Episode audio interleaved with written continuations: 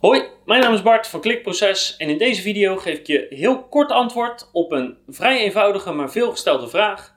Namelijk, ik heb een WordPress site, ik wil scoren in Google, moet ik mijn pagina's aanmaken onder het kopje pagina's of onder het kopje berichten?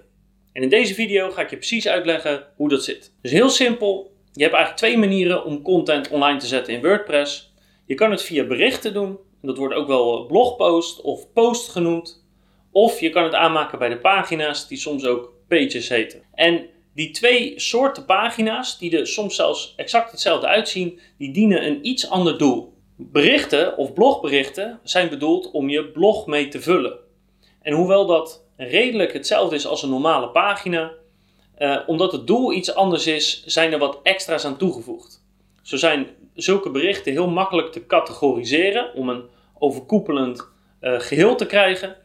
Bijvoorbeeld op onze site hebben we de overkoepelende uh, categorieën conversieoptimalisatie, uh, SEO, uh, voice. Dus alle berichten die met voice te maken hebben, vinken we voice aan en dan staat die daaronder. Ook kan je onder berichten meestal uh, reacties achterlaten, kan je vaak makkelijk doorverwijzen naar andere berichten.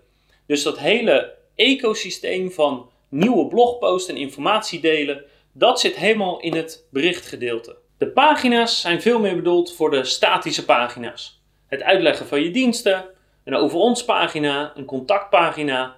Eigenlijk de basispagina's die vrij tijdloos zijn en die niet per se een grote relatie hebben met andere blogberichten of met ander nieuws wat eruit komt. Dus dat is het grote verschil.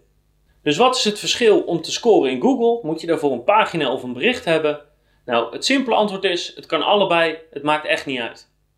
Ze kunnen allebei net zo goed scoren. Je kan ze dezelfde eigenschappen meegeven. In principe zit er niet of nauwelijks verschil tussen. Pagina's zijn sowieso goed. Bij berichten zijn er een paar kleine dingen waar je op moet letten. En één is dat de URL-structuur standaard vaak niet zo ideaal is. Want als je de URL-structuur standaard laat staan, dan verschijnen er namelijk jaartallen en maanden in de URL-structuur. En je, kan hier een voorbeeld zien. Dan zie je, er wordt die erg lang, is nergens voor nodig. Dus je moet de URL-structuur even aanpassen, zodat hij die, die gewoon doet op de naam van het bericht. En als je dat hebt aangepast, dan is een belangrijk verschil tussen de pagina's en de berichten eigenlijk al weg. Ook staat bij berichten standaard uh, de datum van wanneer de blogpost is gemaakt op de pagina. Dus je moet je afvragen of je dat wilt hebben of niet. En als je dat niet wilt, kan je misschien beter een pagina maken. Of je moet even zorgen dat die technisch gezien dat die datum eruit wordt gehaald. Een groot voordeel van de berichten is dus dat je ze kan hangen aan verschillende categorieën en verschillende tags. En die pagina's kan je ook weer opmaken zodat die scoren in Google. Dus het is iets makkelijker om je informatie te ordenen. En dat kan in sommige gevallen een voordeel zijn om te scoren op een overkoepelend zoekwoord. Maar dat voordeel is relatief klein en om eerlijk te zijn doen de meeste bedrijven daar eigenlijk niks mee. Dus mijn advies is eigenlijk heel simpel. Het kan allebei scoren, dus gebruik het vooral waar het voor bedoeld is.